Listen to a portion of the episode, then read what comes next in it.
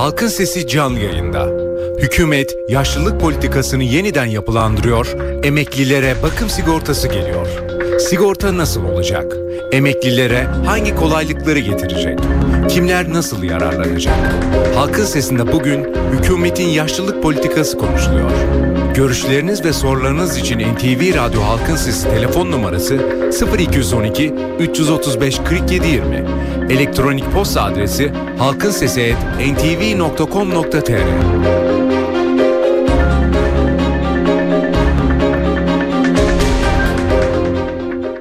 Halkın Sesi.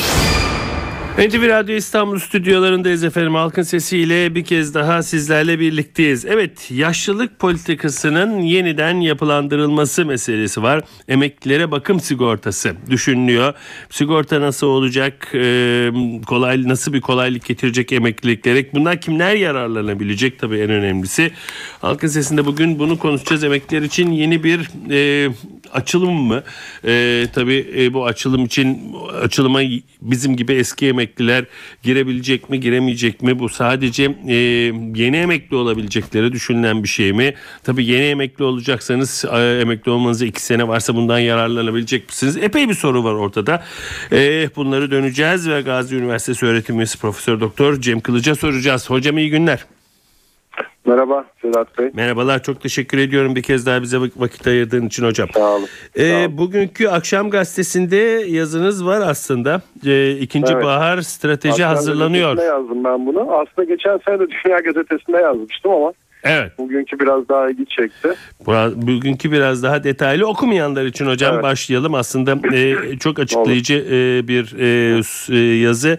E, nedir bu hocam? Yeni bir ikinci bahardan ne anlıyoruz? Bu ikinci bahar Evet. benim gibi mesela e, ikinci baharına adım atmış hatta sonbaharına giden birini kapsıyor mu kapsamıyor mu? Ne dersiniz efendim? Siz daha çok gençsiniz. Estağfurullah hocam. Buyurun lütfen. Ee, Sedat Beyciğim şimdi aslında ben bunu gazetemde köşemde konu edindim. Ancak e, bu konuda e, bugün de aslında So- Sosyal Güvenlik Kurumu Başkanı ile birlikte Emekliler için Gelecek Stratejisi isimli bir toplantıda birlikteydik. Hı hı. Ee, aslında bir parça da bu toplantıyı denk getirip yazayım istedim gazetemde köşemde. Ee, iyi de oldu.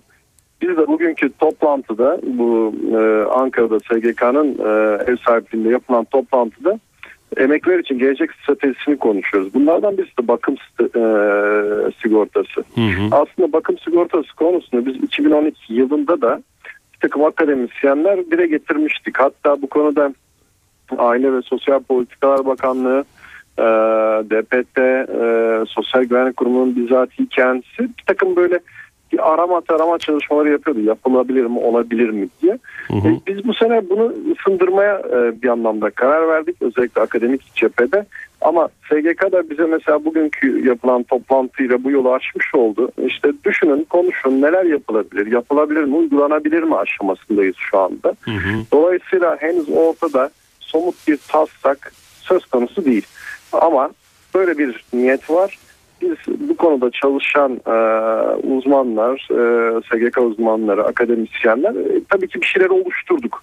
E, bunlar yapılabilir mi diye bakıyoruz. Yurt dışındaki örneklerine bakıyoruz. E, ve bu bağlamda da Türkiye gelecekte 2035 sonrasında yaşlı bir nüfus olacak. Herkes böyle bir demografik tahminde bulunuyor. Dolayısıyla acaba e, şimdiden neler yapılabilir? Açıkçası onun arayışı içerisindeyiz. Bugünkü haberde oradan çıktı ama güzel oldu. Bir farkındalık yaratmış olduk. Bakım sigortasının gerekliliği konusunu ön plana çıkardık. E, bakım sigortası ile ilgili çok sayıda soru geliyor şimdi. Hani bu ne zaman başlayacak? Kimleri kapsayacak gibi. E, inanın bunlar henüz somutlaştırılmadı ama sizin sorduklarınız çerçevesinde şunları söyleyebilirim. E, bakım sigortası primli ve primsiz olmak üzere ikiye ayrılır. Ee, bizim düşündüğümüz primli bir sigorta şeklidir. Yani çalışan e, ya da iş gücü piyasasında bulunduğunuz süre içerisinde ücretinizden sigortalının kendisinin işvereni karıştırmadan kendisinin ayıracağı sigorta primleriyle gelecekte emeklilikte kendisinin e, bakım hizmetlerini, sosyal hizmetlerini karşılayacak bir yapı burada e, tasarlanır. Bizim bütün şeyimiz bu, düşüncemiz bu. Bunu Amerika Birleşik Devletleri, İngiltere, Almanya hepsi uyguluyorlar. Yani Türkiye'de niye uygulamasın? Acaba böyle bir şey olabilir mi? Aslında şu anda bir e, fikir jimnastiği yapıyoruz. Elimizde tabii ki bir takım e, somut kendi yaptığımız çalışmalar, kamudaki yetkililerle yapmış olduğumuz, paylaştığımız çalışmalar var. Onlar da sıcak bakıyorlar. Ama henüz bu konuda e, daha düğmeye basılmış değil. Ee, önümüzdeki günlerde bunu çok tartışacağız. Aslında tabii e, dediğiniz son derece doğru hocam. Biz çok genç nüfusuz diye e, övünüp duruyoruz ama e, fakülteden emekli olmadan önce yaşlılık diş hekimliği derslerini de ben anlatmıştım e, geriatriyi. Orada da e, ilgimi çekiyordu. Dediğiniz gibi 2030'lu yıllara geldiğimizde yaşlı nüfusta ciddi bir artış olacak ve Avrupa'yı yakalamış evet. olacağız. Şimdiden bunların hazırlıklarını yapmak son derece yerinde bir şey. E, peki Evet. prim ödeyecekleri anladık hocam. Yani e, Evet. bir prim ödediğiniz zaman geleceğe e, yaşlılığınıza bir yatırım yapacaksınız. Peki bunun süresi belli Evet. mi örneğin? Kaç yıl ödemek gerekecek? Böyle, tasarıda böyle bir şey var mı? Sedat Bey. Hı. Evet bu değişebilir. Burada e, aktüeryal hesaplar yapılabilir. E, ve e, bizim aslında öngördüğümüz de şu tek tip bir prim değil. Yani Hmm. farklılaştırılmış bir prim. Yani düşükten yükseğe doğru. Düşük prim ödüyorsanız e, ileride alacağınız hizmetler de ona göre daha az olacak. Yok, hı. Çok yüksek primler ödüyorsanız mesela örnek vereyim. E, yüksek prim ödediniz.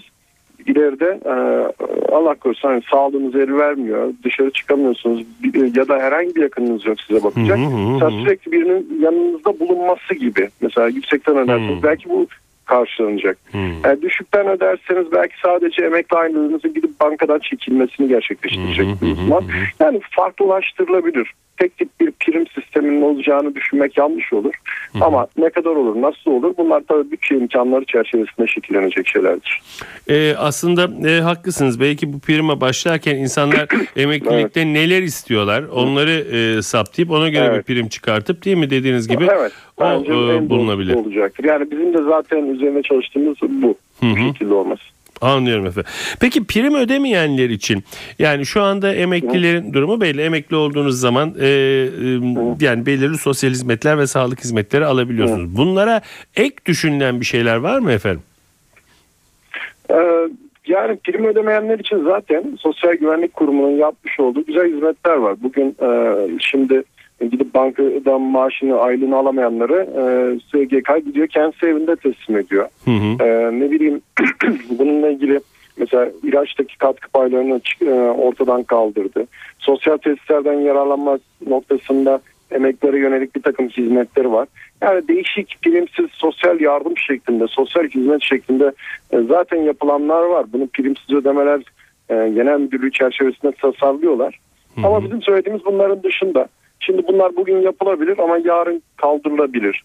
Bir hükümet gelir, diğeri gider. Hı hı, Farklı uygulamalar olur. Biz bunları e, farklılaştırılmasını istemiyoruz. E, başında alınmış bir kararla sonunu görebileceğimiz uygulamaların sonuçlarının olmasını arzuluyoruz. Yani bizim aslında düşündüğümüz, tahayyül ettiğimiz, Hı hı. ideale ettiğimiz fikir bu. Hı hı. Peki e, bu belirli bir e, dönemi kapsayacak zannediyorum. Yani mesela emeklerinize bir zannediyorum 5 yıl varsa 10 yıl varsa pek de bu e, sisteme yetişemeyeceğiz değil mi hocam? Yani muhtemelen evet e, olmayacaktır. Çünkü bunların hepsi maliyet unsurlarıdır. Ee, belki bir kademeli geçiş olabilir mi?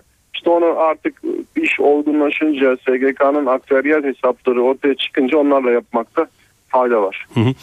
E, bugünkü yazınızda da var aslında Obama'nın sırrı e, diye söylemişsiniz. Evet. Gerçekten de önemli. Amerika Birleşik Devletleri'nde de e, hatta bütün e, Avrupa'da da e, emeklilerin durumu son derece önemli ve ciddi de bir Doğru. e, problem olarak karşımızda görüyor bütün sosyal güvenlikler.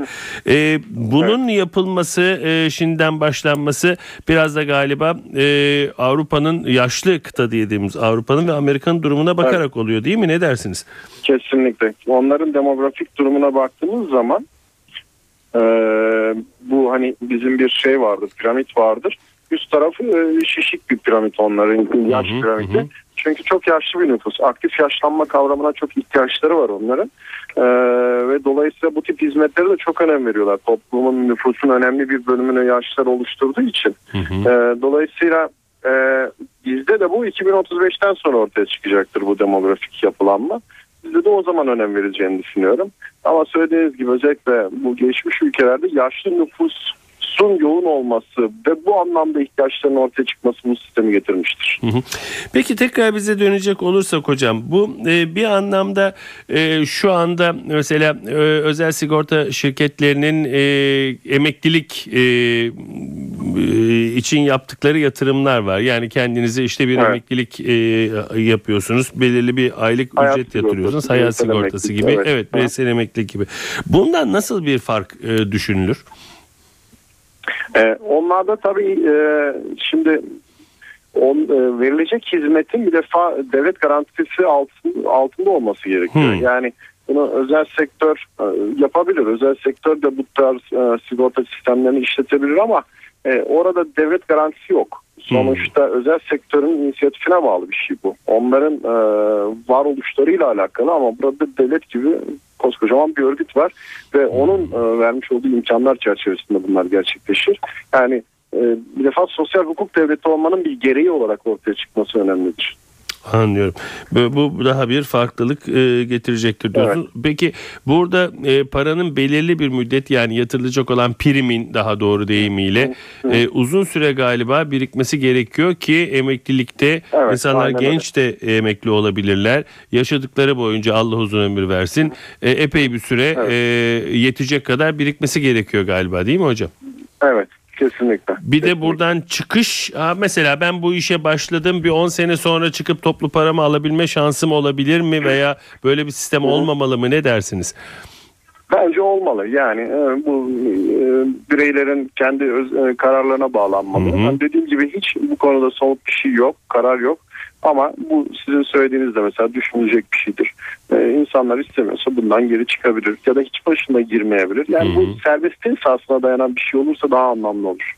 Ama önemli olan böyle bir şeyin en azından bizde her şey değmeyin bağışlayın yumurta kapıya geldiği Evet. zaman yapılır ama önceden e, planlanıp böyle bir şeye başlanması da ciddi bir e, başarı diye Evet. algılamak lazım. Peki Evet. e, bu konuda de söylemek o yönde düşünüyoruz. Siz de bir akademisyensiniz. Biz Hı hı. de hani bu konuyla uğra- uğraşan kişiler olarak hani böyle bir ön almanın e, gelecek açısından önemli olduğunu düşünüyoruz. Peki. Başka bu konuda söylemek istediğiniz var mıdır hocam? Emeklilik benim atladığım, Ee, soramadığım. e, tabii bununla ilgili çalışmalar devam edecek. Bugünden yarına olacak bir şey değil. Hı hı. Ee, kısa sürede ortaya çıkacak bir şey değil. Ama e, en azından bir farkındalık yaratıyoruz, bir algı yaratıyoruz. Ee, bunun üzerinde çalışmalar e, önümüzdeki dönemlerde yoğunlaşacaktır. Peki. Çok teşekkür ederim hocam bizimle birlikte Ben olduğunuz vakit ederim. ayırdığınız için. Sağ olun. Görüşmek dileğiyle. İyi günler hocam görüşmek üzere.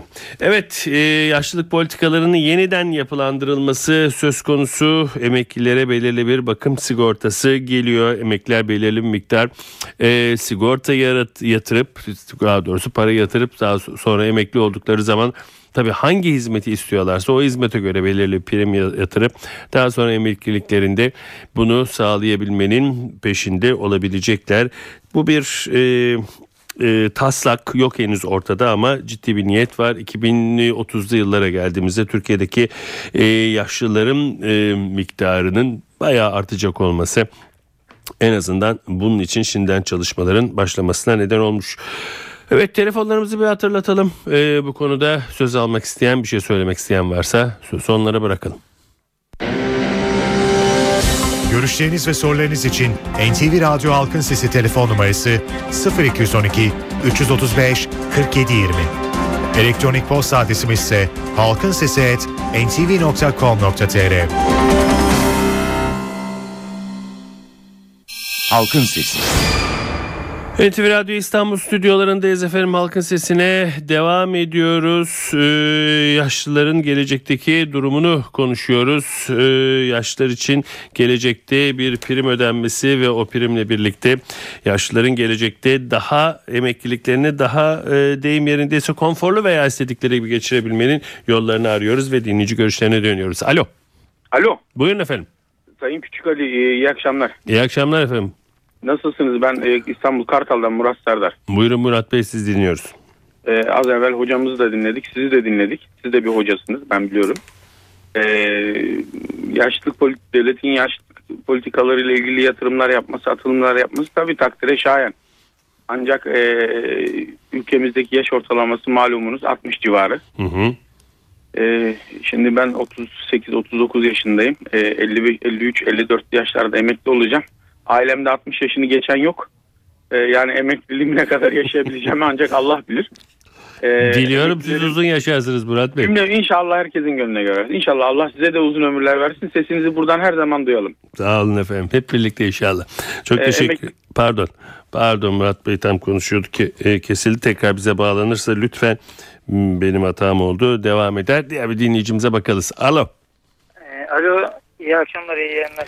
İyi akşamlar efendim. Kiminle görüşüyoruz? İstanbul'dan arıyorum ben Fikret Tokgöz. Buyurun Fikret Bey. Ee, Şimdi emeklilik konusu güzel. Yani 65 yaşından sonra bakım e, projesi çok güzel bir proje ama ben e, hala emeklilik hakkı olduğu halde yani yaşımı doldurmuşum, primimi doldurmuşum. Sağlıktan faydalanamıyorum. Neden? Yani emekli olmadım, yaş bekliyorum. Ha Yaş emekli olmadınız yaş evet, bekliyorsunuz. Evet. Evet. yani primimiz dolmuş. Priminiz doldu ama yaş yaş evet, haddi var. sene, Doğru. Evet yaş Hı hı. haddi var. Ama sağlıktan faydalanamıyoruz. Yani bugün bundan faydalanamıyoruz ama Hı. ben 65'ten sonra o hizmetten faydalansam da e, bir anlamı yok benim için. Olur mu canım 65'ten sonra da insan kendini Alt- hala geç geç hissediyor. Ondan sonra da o zaman yararlanmak istiyorsunuz. Öyle demeyin. E, çok güzel de yani ben e, şu anda e, 4 tane çocuğum var. Allah Onlardan, bağışlasın. E, cümlemizinkine onlara e, sigorta primine e, yani emek şey yapamıyorum yatırdığım için Hmm. sağlıktan faydalanabiliyorum. Yoksa normalde benim en azından maaştan vazgeçtik. Devletin en azından sağlık hizmetinden Doğru. bize bir kolaylık göstermesi lazım. Doğru sağlık hizmeti Ben hiçbir 6 şeye benzemez. devlete fedakarlık yapmışım yani emeklilik hakkımı vermişim. Hı hı. E, sağlıktan bile faydalanamıyorum. Bunu e, dile getirmek istedim. Çok iyi yaptınız. Peki. Teşekkür Çok teşekkür ederim. ederim Fikret. Bey. İyi günler. Sağ olun. Alo. Alo. Buyurun. Ee, e, Murat. Ha Serdar Murat. Bey kusura bakmayın. Demin e, benim şeyime geldi kesildi Yok, rica ederim. Hiç önemli değil. Olabilir. Buyurun. Olabilir. Orada bir stüdyo, stüdyodasınız ve birçok şey idare ettiğinizi ben biliyorum. Ee, şimdi e, emeklilerimizin Türkiye'de emekli olmak zor. Emeklilerin hali ortada. Hı hı. Maaş zamanlarında e, banka kuyruklarında e, hayatını kaybeden emeklilerin olduğu haberlerden ve gazetelerden e, hepimize aşina. Sanki onlar biraz düzeldi gibi değil mi? Kartlar aldıktan sonra şimdi eskiden banka kartı verilmiyordu bildiğim kadarıyla Evet. emekliliğe. Şimdi Evet. veriliyor. Ben de bir emekli olduğum için tabii bunları biliyorum. Evet. Şimdi hiç olmazsa daha o kuyruklar e, yok bildiğim kadarıyla. Ama e, ciddi e, acılar da yaşandı o kuyruklarda Evet, unutmamak da lazım. yaşandı. O emeklilik, e, o kuyruklar e, var ancak e, sizin de söylediğiniz gibi eskisi kadar değil. Hmm. Mutlaka bir iyileştirme söz konusu. Bence bu, bu az evvel hocamızın anlattığı proje devletin kendine kaynak yaratma arayışıdır. Hmm. E, doğa, gerekli bir bireyin, e, bir ailenin, bir emeklinin, bir işçinin siz ne derseniz deyin yaşaması için gerekli olan elektrik, su, doğalgaz vesaire vesaire. Bunlar bizim temel ihtiyaçlarımız ve bunlara ihtiyacımız var. E, hükümetimizin bunlara müthiş Hı hı, zamlar hı yapıp da devlet e, emekliye efendim kaşıkla vermesi ve kepçeyle alması bence abesle iştigaldir. İnşallah daha iyi olur. Peki. Ne diyelim? Peki çok İyi teşekkür ediyorum. İyi akşamlar Murat Bey. Alo. Alo merhabalar İstanbul'dan Volkan Yılmaz. Buyurun Volkan Bey. Ee, ya, uygulanacak sistem gayet güzel düşünülmüş bir sistem. Ee, uygulanmasında fayda olacağını düşünüyorum ama benden yanılmıyorsam iki evvelki arkadaşın değindiği bir konu var. Bu prim ve gününü doldurup daha sonra hem sağlıktan hem maaş almadan hayatını devam ettirmek zorunda kalacak ciddi bir kitle geliyor. Hı hı hı. hı. Ee, hani öncelikle tabii ki ileriyi düşünmek lazım. Ama ortada gözüken bir problemi de öncelikle bana bence çözmek gerekiyor. Hani dolayısıyla ben mesela bu konunun bir mağduru olayım, mağduruyum aynı zamanda. Hmm. Bana göre bundan daha ziyade bu konuyla ilgili bir program yapabilirseniz. Çünkü birkaç kere gündeme geldi ama hiçbir çözüme kavuşmadı. Bizler de böyle bekliyoruz açıkçası. Peki efendim. Çok teşekkür teşekkürler. ederim. Ben teşekkür ederim. Alo. Alo Buyurun efendim. Sedat Bey. Buyurun. Merhabalar ben Ankara'dan Murat. Buyurun Murat Bey. Nasılsınız? Sağ olun siz duyduk daha iyi olduk. Teşekkür ederim. Biz de e, sizi duyunca daha iyi oluyoruz. Olun efendim buyurun. Yani 10-11 yıldır 12 yıldır programı sabrederek e, sunuyorsunuz ya. Yani teşekkür ediyoruz. Estağfurullah sizi duymak her zaman için keyifli. Buyurun lütfen. Sağ olun. Şimdi Türkiye'de zaten emeklilerin durumu belli. Yani e, eğer ki e, emekli olana kadar bir ev kendi başını sokacağı bir ev aldı aldı alamadı yandı. En Evet. kötü kira en ücra bir yerde 500 lira zaten. Doğru. Emeklinin aldığı aylık ne zaten? E, e, bin lira bile değil yani şeye vurduğunuz zaman yüzdeye kaç kişi bin liranın üzerinde acaba emekli maaşı alıyor? Yani işte e, emekliye de getirdikleri zam belli. Yüzde üç, yüzde dört. E, geçen yine milletvekilleri kendilerine çalışmışlar. Emekli Sigorta milletvekili- emeklilerin ortalama aylığı elimden bakıyorum Murat Bey size söyleyeyim 810 liraymış. Şimdi 810 lira. Hı hı.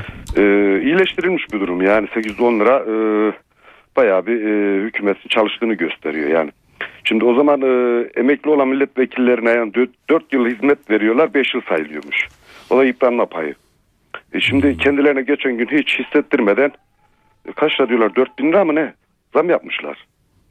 Yani 550 tane milletvekili o imzayı atarken nasıl vicdanları sızlamıyor ben hayret ediyorum. Tabii ki şimdi evde bakım hizmetleri falan e, olayları e, güzel gelişen şeylerdir. Yani bugün yaşlılar gidemiyorlar gelemiyorlar ama daha iyileştirilmesi gerekiyor.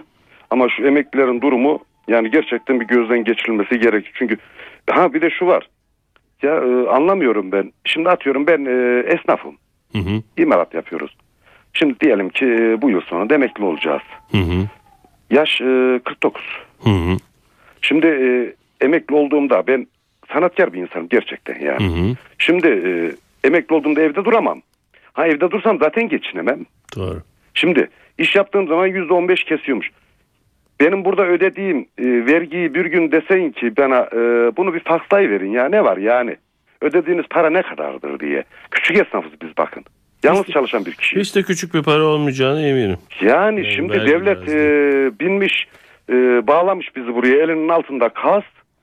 Yani ya gerçek Peki. bu yani e, yoldukça yoluyor. Şimdi her Peki, zaman evet. söylüyorum bu sigorta primlerinin gerçekten yüksekliğinden her zaman yakınmışımdır. Bakın gene af çıkardılar. Bağ kuraşa. Ya niçin af çıkardırsın kardeşim? Her zaman da afa karşıyım ben. Ödeyenler ne Çıkar. oluyor diyorsunuz değil mi? Halkın Sesi. NTV Radyo İstanbul stüdyolarındayız efendim. Halkın sesine devam ediyoruz. Yaşlık politikalarının yeniden yapılandırılmasına çalışılıyor. Emeklilere bakım sigortası gelmesi gibi bir düşüncemiz var. Bunu konuşuyoruz. Akdeniz Üniversitesi Gerontoloji Bölümü Başkanı Profesör Doktor İsmail Tufan'la birlikteyiz. Hocam iyi günler. İyi akşamlar. İyi akşamlar hocam. Çok Merhabalar. teşekkür ediyorum bize vakit ayırdığınız için. Hocam e, denilebilir ki bundan birkaç sene önce yaptığınız teferruatlı çalışmayla Türkiye'nin e, deyim yerindeyse yaşlılık haritasını çıkardınız ve e, Türkiye'nin e, Türkiye'ye bir anlamda yaşlılarının da farkına varmasını sağladınız. Ve ondan sonra da hem gerontoloji üzerine hem gerodontoloji üzerine e, ciddi çalışmaların önü de açılmış oldu. Şimdi de Hükümetin yaşlılara yönelik bir sigorta e, farklılığı ve anlayışı var. E, biraz önce bizimle birlikte olabildiyseniz e, Cem Hocam anlattı. E, prime bağlı olarak ödeme ile birlikte yaşlıların farklı hizmetler satın alabilmesi gibi. Bunun dışında, bununla birlikte ve bunun dışında Türkiye'deki yaşlıların durumu ile ilgili halü parumuz nedir? Buyurun efendim sözü size bırakalım. Evet, teşekkür ediyorum. Ee, Cem Hocam'ı dinledim. Söylediklerine aynen katılıyorum. Ee, şimdi efendim biz e, 2000 yılında e, Türkiye'de sosyal tutum sigortası ile ilgili bir çalışma yaptık ve bunu kitaplaştırıp e, Türkiye Cumhuriyeti parlamentosuna ve ilgili bakanlara sunduk. O gün bugündür çok fazla bir şey değişmedi ama son yapmış olduğumuz e, sizin de bahsettiğiniz gibi yaşlılık gerontoloji arkasından sonra birçok şey değişti. Yaşlılık politikası e, hızlı bir mimari çalışma başladı ve biz bundan son derece memnunuz. Türkiye'nin e, sosyal bakım sigortasına mutlaka ihtiyacı var. Bu kuşaklar arası e, diyaloğun, kuşaklar arası dayanışmanın ve yeni bir kültürün oluşması. Burada e, bahsedildiği gibi yeni bir istihdam alanı yaratılabileceği gibi e, burada bakıma muhtaç olan insanların ve onların ailelerine de çok önemli bir hizmet sunulacak ve e, devletin e, güçlü eli uzanmış olacak. Şimdi biz bunun yanı sıra yapmış olduğumuz gerontoloji hakkında çalışmalarında şöyle bir bulguyu da kamuoyuyla paylaştık ve burada size e, sizin rahatlarınız aracılığıyla bir kere daha e, e, ülkemizi yöneten aktörlere buradan ifade etmek istiyoruz. Şimdi e, sosyal bakım sigortası sadece akademisyenlerin çalıştığı bir alan değil. Sosyal bakım sigortası akademisyenlerin tartıştığı ama uygulamanın sosyal politikalar tarafından hayata geçirilmesi gerekecek alan. Şimdi burada bize karşılaştığımız en önemli sorunlardan bir tanesi e, ileri yaşta ortaya çıkan demans ve Alzheimer gibi hastalıklarla baş etmek zorunda olan çok büyük bir kitle var ve bunların sayısı Türkiye'de azımsanmayacak ölçüde yaş- aşağı yukarı 800 bin. Dolayısıyla bu sayı her geçen gün hastalığın seyrine bağlı olarak artmakta ve bölgelerin e, değişik e, değişik kültürel boyutlarıyla da burada bakıma muhtaç olanların e, ihtiyaçları çok belirgin bir şekilde ortaya çıkmaktadır. Bizim sosyal bakım sigortasına ek olarak e, daha daha doğrusu geliştirilmiş formu olarak önerdiğimiz şeylerden bir tanesi aynı zamanda e, Alzheimer ve demans hastalarından muzdarip olan e, insanların ailelerine maddi bir yardımın mutlaka bakım sigortasının yanı sıra yapılması gerekiyor. Şimdi sadece bakım sigortasıyla e, böylesine ağır bir yükü ailelerin üstesinden gelmesini beklememiz çok gerçekçi ve ideal bir durum değil. Yani şu an e, endüstri ülkeleri bu e, uygulamaya geçmiş durumdalar. Biz bakım sigortasını Türkiye'de tartışmaya açarken aynı zamanda bu perspektifi de yeniden ele almamız ve bu perspektiften hareket ederek e, çalışmamız gerekir. E, dolayısıyla bizim bakım sigortası e, sürecinde mutlaka demans ve Alzheimer hastası yakınlarına bakan kimse mutlaka onlara finansal bir desteği çok iyi denetlenmiş, e, denetlemesi yapılan bir kurumsal bakım sigortası modeliyle hayata geçirebilmemiz gerekir. Aksi takdirde Türkiye'nin gelecekte bakıma muhtaçlık potansiyelinin her geçen gün arttığından yola çıkarak bu sorunun bu şekilde üstesinden gelebileceğimizi ben şahsen düşünüyorum. Ülkemiz için çok önemli bir adım. Ee, sosyal politikalar açısından çok önemli adım. Ee, geç değil, zamanında atılmış bir adım. Keşke e, bu adım atılırken sivil toplum kuruluşlarının gönüllülük e, çalışmalarında bu süreci dahil edilmesi e, düşünülseydi. Ve aynı zamanda bu çalışmanın e, pilot bölgesinin e, bakıma muhtaçlık kriterlerinde ortaya koymuş olduğumuz haritadan yararlanılarak e, bu çalışmanın hayata geçirilmesi mümkün olsaydı diye birazcık serzenişte de bulunmamız gerekiyor.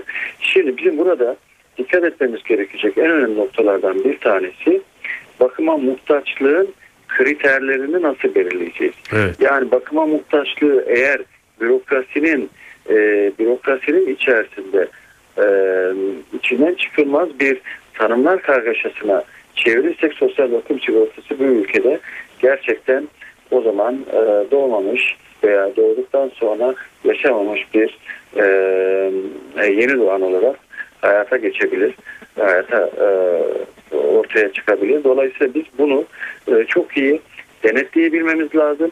Hizmeti götürecek potansiyele sahip e, sosyal elemanları, bakım hizmetini verecek olan e, elemanları çok iyi yetiştirebilecek e, e, bir müfredatı da hazırlayabilmemiz lazım.